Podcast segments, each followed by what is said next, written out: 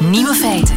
Dag en welkom bij de podcast van Nieuwe Feiten, geïnspireerd op de uitzending van 14 februari 2020.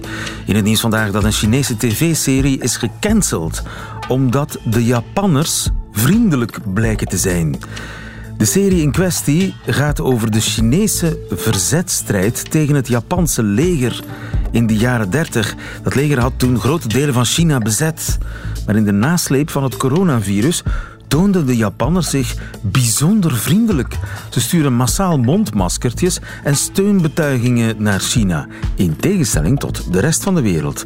Als teken van appreciatie heeft de tv-zender waar de serie, de serie werd uitgezonden nu beslist om de rest van de show niet meer uit te zenden.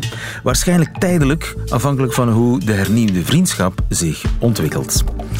De nieuwe feiten vandaag. Decennia lang hebben Duitse en Amerikaanse inlichtingendiensten ook NAVO-landen, waaronder België, afgeluisterd. De Nederlandse Netflix bestaat al en de openbare omroep doet mee. En Jedi, de ridders uit Star Wars, die bestaan echt. De nieuwe feiten van Chris van den Abelen hoort u in zijn middagjournaal. Veel plezier. Achtung, Achtung! Nieuwe feiten. Radio 1. De Duitse inlichtingen- inlichtingendiensten en de Amerikaanse die hebben decennia lang via een Zwitsers bedrijf ook ons afgeluisterd in wat heet Operatie Rubicon. De inlichtingenkoe van de eeuw wordt het wel eens genoemd en het is mee aan het licht gebracht door Huub Jaspers. Dag Huub. Dag. Dag Huub, bedoel ik. Eh, jij werkt voor het onderzoeksjournalistiek programma Argos op de VPRO. Meegewerkt aan dit eh, onderzoek. Cryptogate wordt het ook wel eens genoemd. Want, Crypto Leaks noemen we of het. Crypto Leaks. Ja. Want het ging via, allemaal via een Zwitsers bedrijf dat Ja. in eh, encryptie gespecialiseerd was. ja. Wanneer Ja. is het begonnen? Het is eh, begonnen, de operatie is begonnen in juni 1970. Toen hebben de CIA en de Duitse Bundesnachrichtendienst dat bedrijf opgekocht, samen. In een geheime operatie, dat werd helemaal verhuld met allemaal advocatenkantoren, een Duitse Treuhandgesellschaft. Ja, ja. eh, Niemand wist dat eigenlijk de. Duitse en Amerikaanse inlichtingendienst dat specifieke Zwitserse bedrijf gekocht hadden. Dat Klopt. dat hun eigendom was. Ja. En dat bedrijf was gespecialiseerd in versleuteling. Ja, in apparaten waarmee overheden destijds communiceerden. Bijvoorbeeld ambassades in den vreemde met hun eigen ministerie van Buitenlandse Zaken. Het waren speciale apparaten. Denk aan de, dat kent iedereen dat beeld ook, de Enigma die de Duitsers gebruikten in de Tweede Wereldoorlog. Opvolgers van die apparaten maakte Crypto AG. En dus de hele wereld kocht die apparaten van dat Zwitserse bedrijf. Ja, 130 landen. Hè. Dat, dit was de, de wereldmarktleider op, op dit gebied. Ja. En zij wisten natuurlijk niet dat ze eigenlijk materiaal kochten waar de Duitse en Amerikaanse inlichtingendiensten de hand in hadden. Of in Nee. elk geval de toegang toe hadden. Nee, ik denk dat ze die anders niet gekocht zouden hebben. Ze kochten ze juist in Zwitserland, omdat ze dachten: Zwitserland is neutraal. Hè, want in Nederland had ook een bedrijf dat dit soort apparaten maakte. Heel goed, Philips, USFA. Maar die werden niet gekocht door Irak of Libië of Saudi-Arabië. Omdat men dacht, ja, Philips, Nederland, NATO...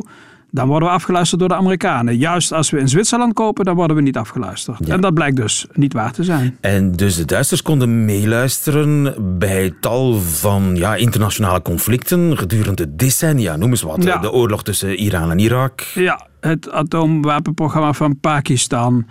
De onderhandelingen in de Verenigde Staten over het Camp David-akkoord. Waarbij de Egyptische delegatie door de Amerikanen real-time kon worden afgeluisterd. En ze dus precies wisten welke instructies de onderhandelaars kregen vanuit hun regering. Eh, De re- regering in Nicaragua werd eh, meer dan tien jaar afgeluisterd. De coup in Chili in 1973. Mensenrechten schendingen in Argentinië tijdens het Fidela-regime. De Falklandoorlog, ik De- noem maar wat. De Falklandoorlog 1982 in de. Ehm, want we hebben inzage gehad in zowel het Amerikaanse evaluatierapport van deze operatie als het Duitse evaluatierapport. Hè, een paar honderd pagina's dik bij elkaar.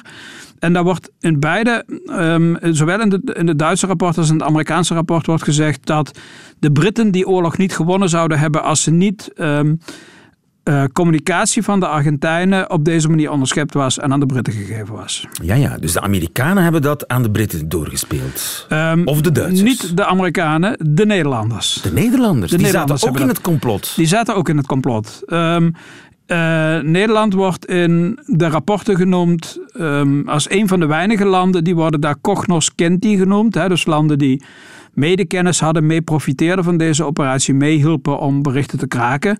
dat was er een handvol. Um, een select gezelschap. Een select Landen gezelschap. mochten mee profiteren van deze Duits-Amerikaanse actie. Ja, zonder overigens dat ze op de hoogte gesteld werden van wat eigenlijk de oorzaak was dat die informatie bij de Duitsers en de Ze wisten niet hoe dat ging. Ze wisten niet dat Crypto AG in handen was van de CIA en de Bundesnachrichtendienst. Dat bedrijf, daar wisten ze eigenlijk helemaal niks van. Nee, maar ze kregen wel de informatie over die apparaten, zodat zij zelf hè, hun eigen cryptodiensten uh, afdelingen, gespecialiseerde uh, afdelingen van de inlichtingendiensten in staat waren om die communicatie ook te kraken. Ja, de Nederlanders mochten meedoen. Mochten de Belgen ook mee profiteren? Nee, de Belgen die werden juist afgeluisterd via deze operatie. En ik denk dat de oorzaak daarvan is dat Nederland, de, met name de Nederlandse marine, eh, wel een afdeling had die heel goed was om berichten te kraken. En dat België dat niet had. Dat betekende dat Nederland een aantrekkelijke bondgenoot was voor de grote geheime diensten die dit deden, want Nederland kon meehelpen. Het betekende ook dat. Um, de Belgen werden eigenlijk niet voor vol aanzien. Die kon dat niet. Ja, dat, ja, ja, ja, zo, zo, zo, zeg jij het. Ja, zo zullen ze het waarschijnlijk gezien hebben, ja. ja. Het was eh, ook zo, kijk, misschien moet ik ook nog even zeggen... Philips leverde apparaten voor de Nederlandse overheid. Dus de Nederlandse overheid hoefde niet naar Crypto AG te gaan. Maar België ging wel naar Crypto AG. Het Belgische leger heeft bijvoorbeeld een apparaat gekocht, de T450. Wisten wij veel dat wij het paard van Troje binnenhaalden? Ik, ik denk uh, inderdaad dat je gelijk hebt. En dus onze vrienden, de Duitsers, zaten daarachter. Ja, dan moet ik wel zeggen, de Duitsers hadden er wel moeite mee dat NAVO-bondgenoten afgeluisterd werden. En niet alleen de Belgen werden afgeluisterd, ook Portugal, Spanje, Italië, Griekenland, Turkije, de hele zuidflank van de NATO. Ja, alle landen die eigenlijk te dom werden geacht om mee te doen. Nou, eigenlijk alle landen die de Amerikanen niet helemaal vertrouwden. En op zich hadden ze daar ook nog wel weer redenen voor. Hè. Dus Spanje is lange tijd dictatuur geweest, Portugal, Griekenland ook. Ja. In Turkije is er altijd trammeland. Um, in Italië waren de communisten vrij invloedrijk. Dus de Amerikanen die vertrouwden die landen niet helemaal. En die wilden die afluisteren. Maar de Duitsers hadden daar moeite mee. Ook specifiek met het afluisteren van België. Er staat op een gegeven moment dat Duitsland eigenlijk graag België zou willen waarschuwen. Dat die T-450 uh, gekraakt werd. En de Amerikanen die zeiden, nee hoor, dat gaan we niet tegen de Belgen zeggen, want wij, wij vinden het wel lekker dat we kunnen afluisteren. En dus, het selecte clubje, ik zou het wel graag willen weten. Maar Duitsland uh, vertrouwde Nederland. En welke landen zaten er nog bij die, hoe heet het, cognoscenti? De cognoscenti, daar zaten uh, in ieder geval vijf Europese landen bij. En dat zijn Duitsland, Nederland, Zweden, Denemarken en Frankrijk.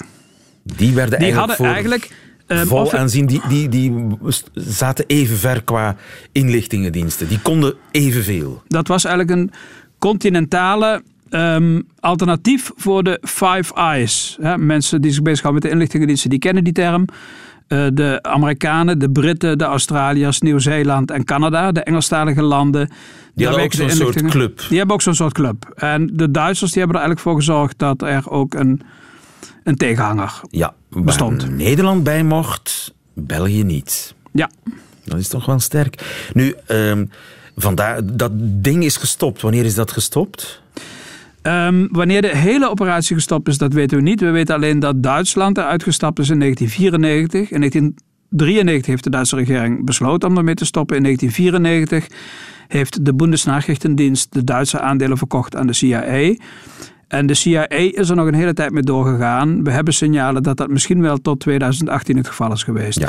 Moet ik er wel bij zeggen, naarmate de tijd verstreek, werd, uh, werden de vruchten die ervan geplukt werden wel minder belangrijk. Want je weet, sindsdien opkomst van het internet, um, e-mail, WhatsApp, andere manieren van communicatie, andere manieren van versleuteling. Um, dus eh, de, de operatie heeft eigenlijk vooral heel veel opgeleverd in de jaren 70, 80, eh, begin jaren 90. Kunnen we daar vandaag lessen uit trekken?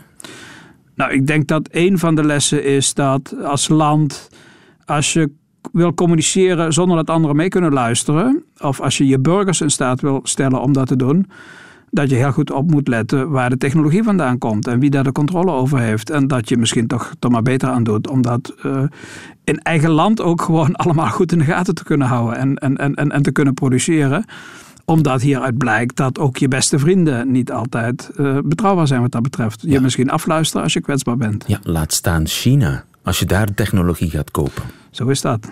Ja, want dat, dit werpt toch een heel nieuw licht op heel die discussie over Huawei en, en 5G.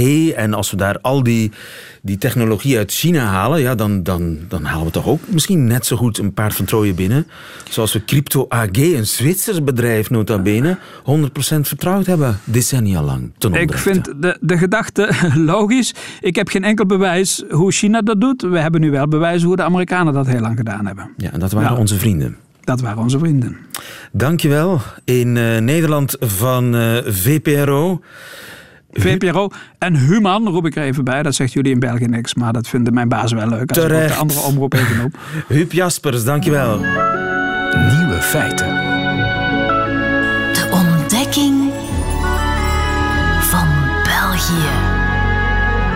En daarom nemen we wraak op de Nederlander.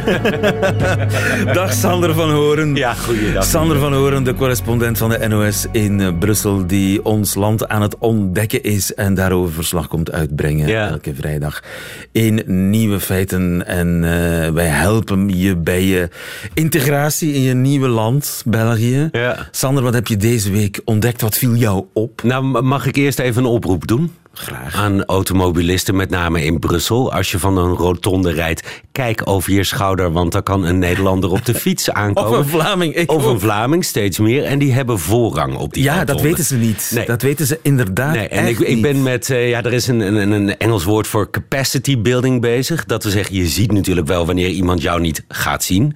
Dus dan is het de sport om net even hard door te fietsen en op het dak te tikken of op het raam. Ja, ja. Waarna iemand zo verschrikt omkijkt van, ik had u niet gezien. Waarbij ik dan zeg, dat is compleet mijn punt. Maar goed, dat even helemaal terzijde. Waarna de chauffeur je dan achtervolgt, uitstapt en je een klap geeft. Wat ik heb gemaakt. Oh ja, echt ja, waar? absoluut. Road en ook, rage, ja. En ook politiecombis die je snijden op diezelfde Ja. rotondes. Ja. Dezelfde, dezelfde politie weet het niet. Maar we blijven het zeggen en ooit gaat het goed. Eh, ooit gaat het goed en het geldt eh, in Brussel. Andere steden niet. Heel gek. Mm, ik fiets niet in andere steden, dus ik kan, ja.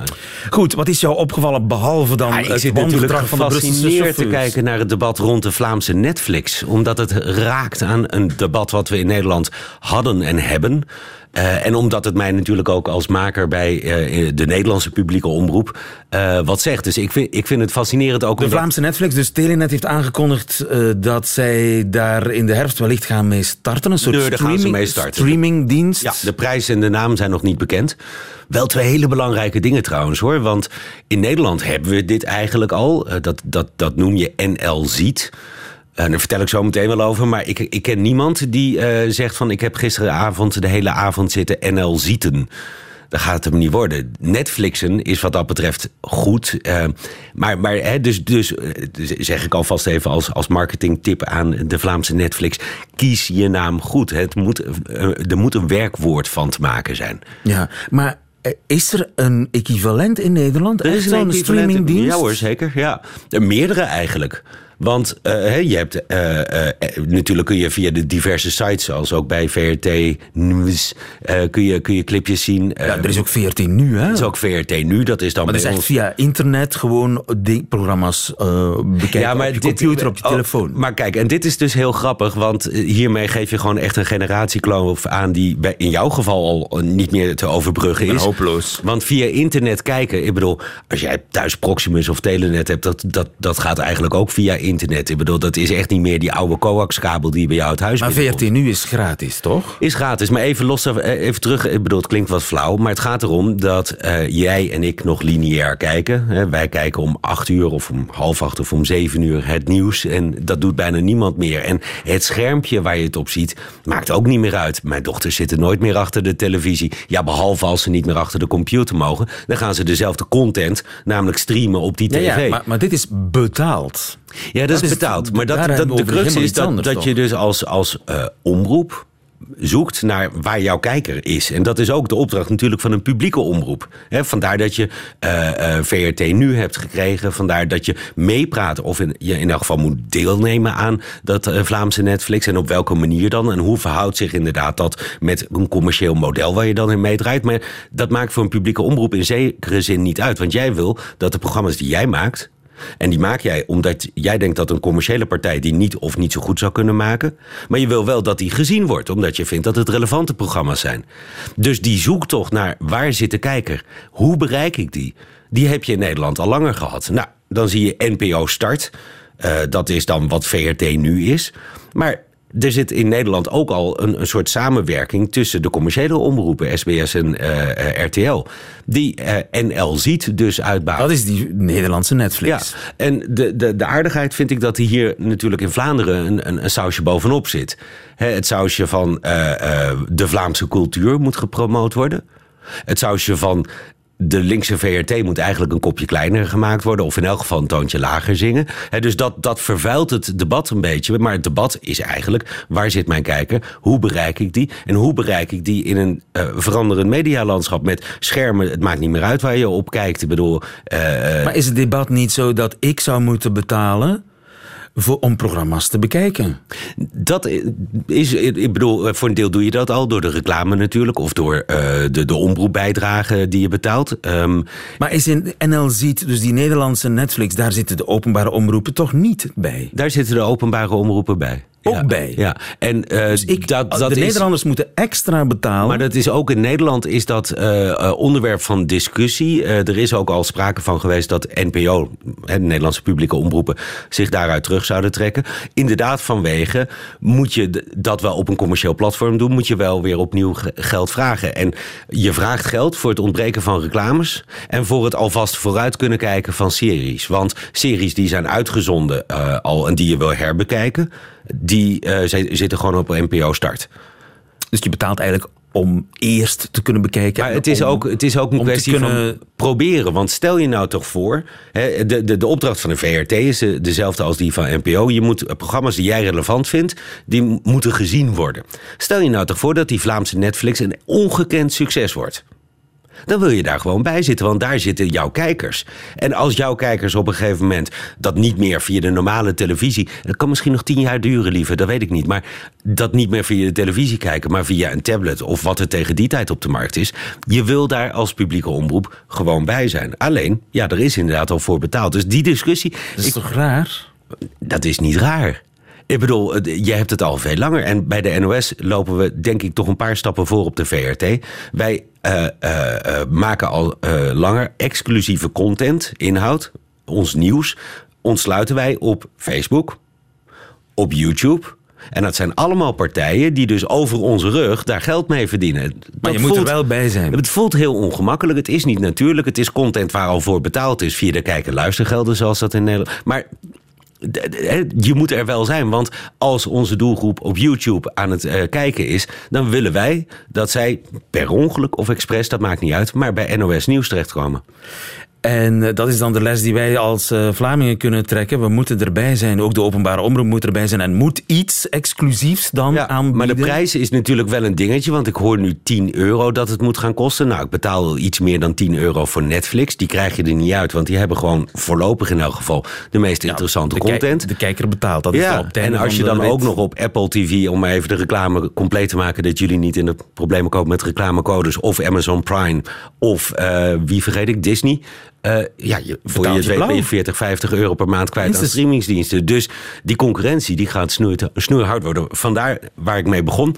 Kies een naam waar je een werkwoord van komt maken. Dat is gewoon het unieke punt natuurlijk van Netflix. Dat is al een werkwoord geworden. Ja, waarvoor dank.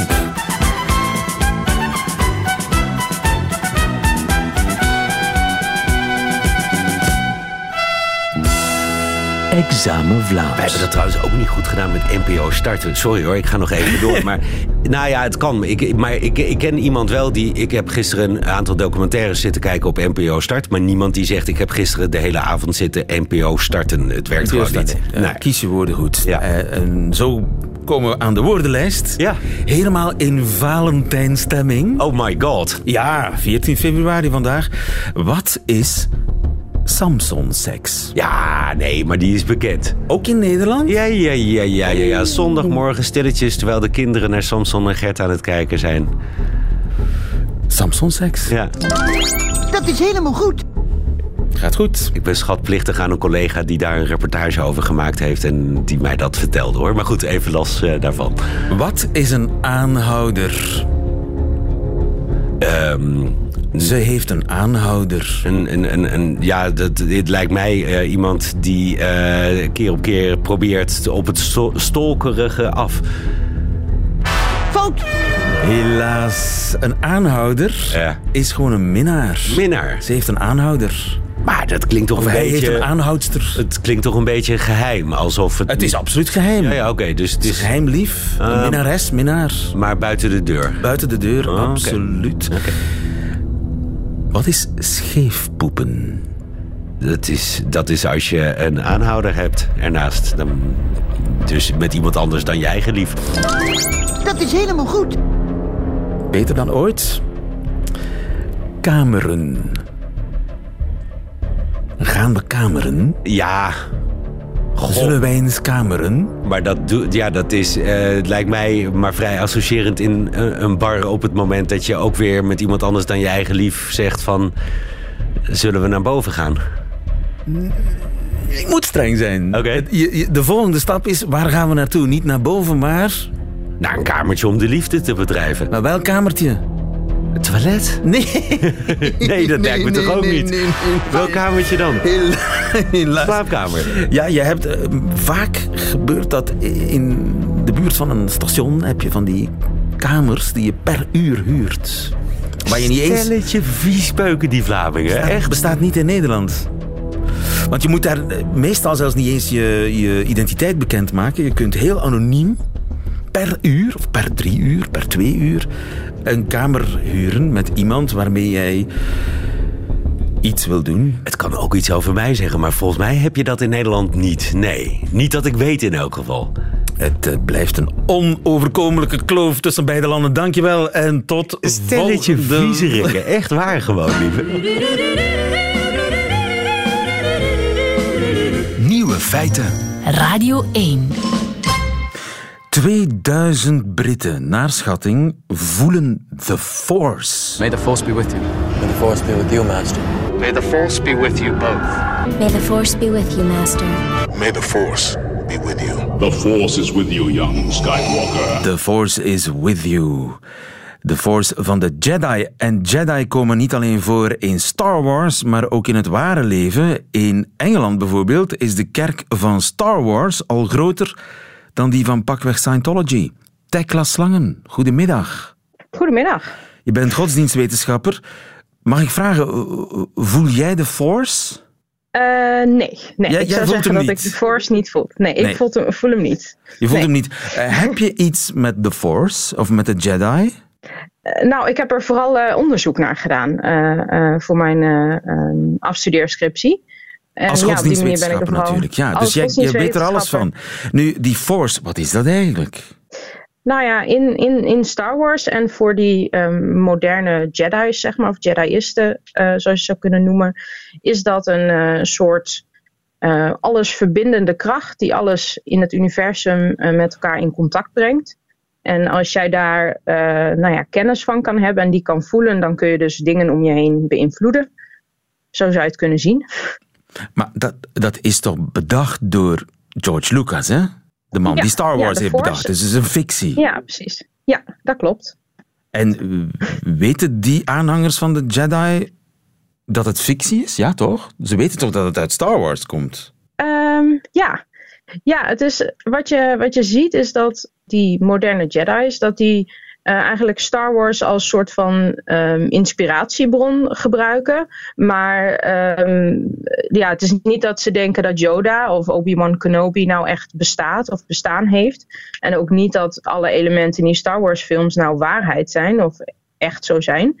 Uh, alleen dat het uh, een soort filosofie bevat Um, ja, die je eigenlijk in heel veel religies terugziet en waar zij inspiratie uit halen Ja, ja. voor hun eigen religie en spiritualiteit. Ja, uiteindelijk is ja, elke religie een beetje fictie, hè?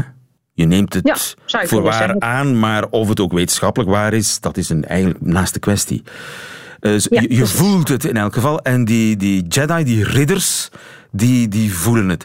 Is er sprake van, van een gemeenschap? Zijn er, zijn er uh, ja, clubs waar je dan als moderne Jedi kunt bij aansluiten? Nou, je, ja, je ziet, ziet wereldwijd, onder andere dus in Groot-Brittannië en ook in Amerika is het erg groot, um, zijn er uh, online gemeenschappen Um, die ja, verschillende namen hebben. Je hebt een soort van uh, de kerk van de, van de Jedi's of de, uh, de Force Temple. En er zijn, nou ja, als je, het, als je het gaat opzoeken op internet, kom je heel veel gemeenschappen tegen. Um, die eigenlijk een beetje hun eigen benadering kiezen tot ja, the way of the Force of het Jediïsme. Of, uh, dat ah ja, soort er zijn verschillende ehm, strekkingen en fracties. Ja, precies. ja. en online, maar komen die ook in het ware leven samen? Ik denk dat de meeste mensen elkaar online vinden en ook online uh, cursussen volgen en met elkaar in gesprek gaan. Uh, maar er zijn ook uh, zeker Jedi's die elkaar in het echt ontmoeten. Maar ja, als je het bijvoorbeeld hebt over 2000 mensen in Groot-Brittannië, ja, dat is niet heel veel. en ja, die wonen dan misschien overal over in het land, zeg maar. En dan, dan kun je elkaar makkelijker online vinden dan in, dan ja. in het echt, zeg maar. En hebben ze ook een lichtzwaard waarmee ze naar elkaar zwaaien? Um, nou, wat ik over weet is dat er sommigen zijn die, die bijvoorbeeld uh, het, het vechten met zo'n lightsaber, zo'n lichtzwaard, ja, als een soort zwaardvechttechniek um, wel, uh, wel beoefenen. Uh, nou ja, net als dat er andere mensen zijn die bijvoorbeeld aan schermen doen of aan middeleeuws zwaardvechten, wordt dat soms gecombineerd met het Jedi zijn. En nou ja, ik zou zeggen, het lijkt mij ook wel heel cool om met zo'n lichtgevend zwaard iemand anders te lijken. En je kunt die gewoon kopen? Ja, dat klopt. En hebben, ja, hebben, ze, hebben, ze, ook een soort van Jedi-bijbel? Is er, is er een soort groot boek of, of een lijst met dit is waar wij voor staan? Um, nou, de meeste, bij de, in de meeste uh, groepen zie je dat er een soort, uh, dat een zogeheten Jedi-code wordt gehanteerd, of Jedi-code, of ook wel de vier um, uh, Jedi-waarheden, Force-waarheden genoemd. In het Nederlands vertaald zijn dat vier of vijf belangrijke regels. En de eerste is, geen, er is geen emotie, maar vrede. De tweede is, er is geen ontwetendheid, maar kennis. En derde is, er is geen passie, maar sereenheid. En dan, er is geen chaos, maar harmonie. En soms wordt daar nog aan toegevoegd: er is niet de dood, maar er is de force of de kracht. Ja, dat zijn de wijsheden van de Jedi. Het is iets tussen een filosofie en religie in. Er zit ook iets van een grap eraan vast, toch ook? Want dat is ook niet helemaal duidelijk of ze het menen of niet. Um, nou, ik zou zeggen, de, de, de online Jedi-gemeenschappen die er, die er bestaan, voor de meeste is dat, is dat geen geintje. Is dat iets waar ze, uh, uh, waar ze uh, heel serieus mee bezig zijn en wat voor hun heel veel waarde heeft op een filosofische of spirituele of religieuze manier, hoe je het maar wil noemen. Maar um, het Jediïsme is wel voortgekomen uit een, een, een, eigenlijk een soort grapmail uit 2001. Um, waar toen in Groot-Brittannië werd er een soort uh, census gedaan, een soort uh, petitie, om mensen te laten invullen wat hun religie was.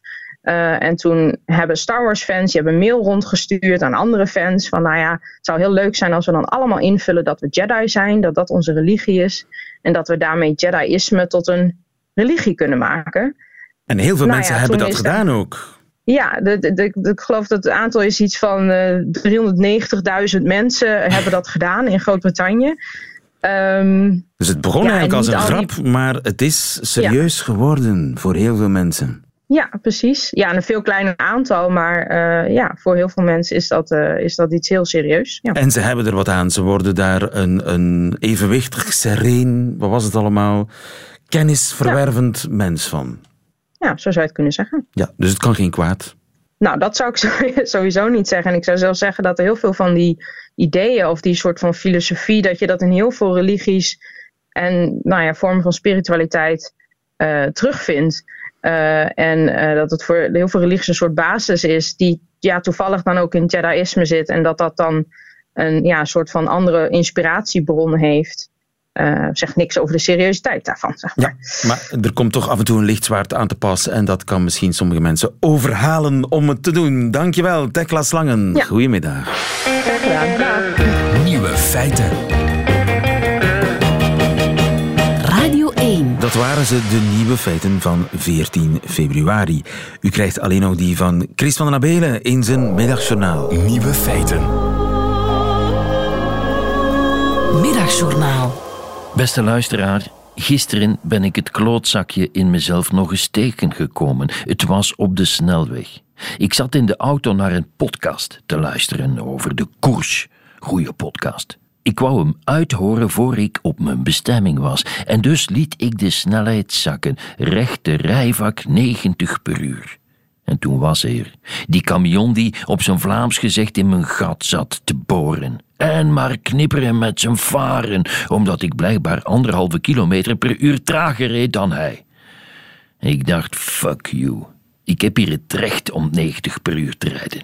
En toen begon hij aan een inhaalmanoeuvre. Zijn cabine kwam ter hoogte van mijn auto en ik deed het. Vraag me niet waarom, maar ik deed het. Ik gaf zelf wat gas bij. Niet veel, maar net genoeg om weer wat voorsprong te nemen. Hij kon niet voorbij en moest dus terug naar het rechte rijvak waar hij volgens mij hoorde. En de mens, je kunt daar niet aan uit. Ik genoot met volle teugen. Hoe is dat toch mogelijk? Maar ik genoot enorm. Zo enorm dat ik mijn snelheid opnieuw liet zakken tot strikt 90 per uur. Hij werd zot, dames en heren, dat kamioneurke, en ik zat hem openlijk uit te lachen. En daar waren ze weer, zijn varen. En deze keer begon hij ook te klaksoneren. Wat te klaksoneren, brullen deed hij, die toeter van hem. Ten einde raad probeerde de vrachtwagenchauffeur mij opnieuw in te halen. Hij stak zelfs zijn richtingaanwijzer niet aan, zo woest was hij. En ik, ik zat die mens gewoon uit te lachen. Hoogmoed komt voor te val. Toen zijn gevaarte mij voor de tweede keer aan het inhalen was, kwakte hij.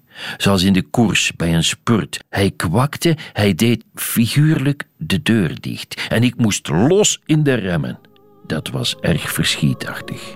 Ik schrok van zijn manoeuvre en ik schrok vooral van mezelf. Uit pure schaamte ben ik achter die camion blijven rijden. Op veilige afstand, want hij moest maar eens plots gaan remmen. Uit wraak.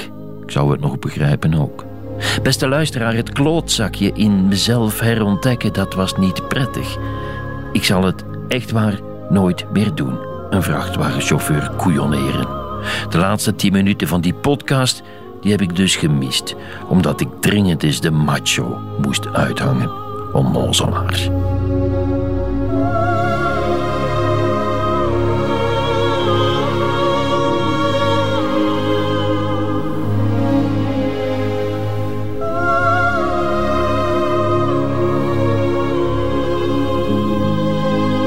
Het zal hem leren. Chris van den Abelen in de jungle die het moderne verkeer is. En in zijn middagjournaal. Einde van deze podcast hoort u liever de volledige uitzending van Nieuwe Feiten met de muziek erbij. Dat kan natuurlijk ook via de herbeluisterfunctie op onze app, de Radio 1-app, en of via onze site radio1.be. Daar vindt u overigens nog veel meer fijne podcasts. Tot een volgende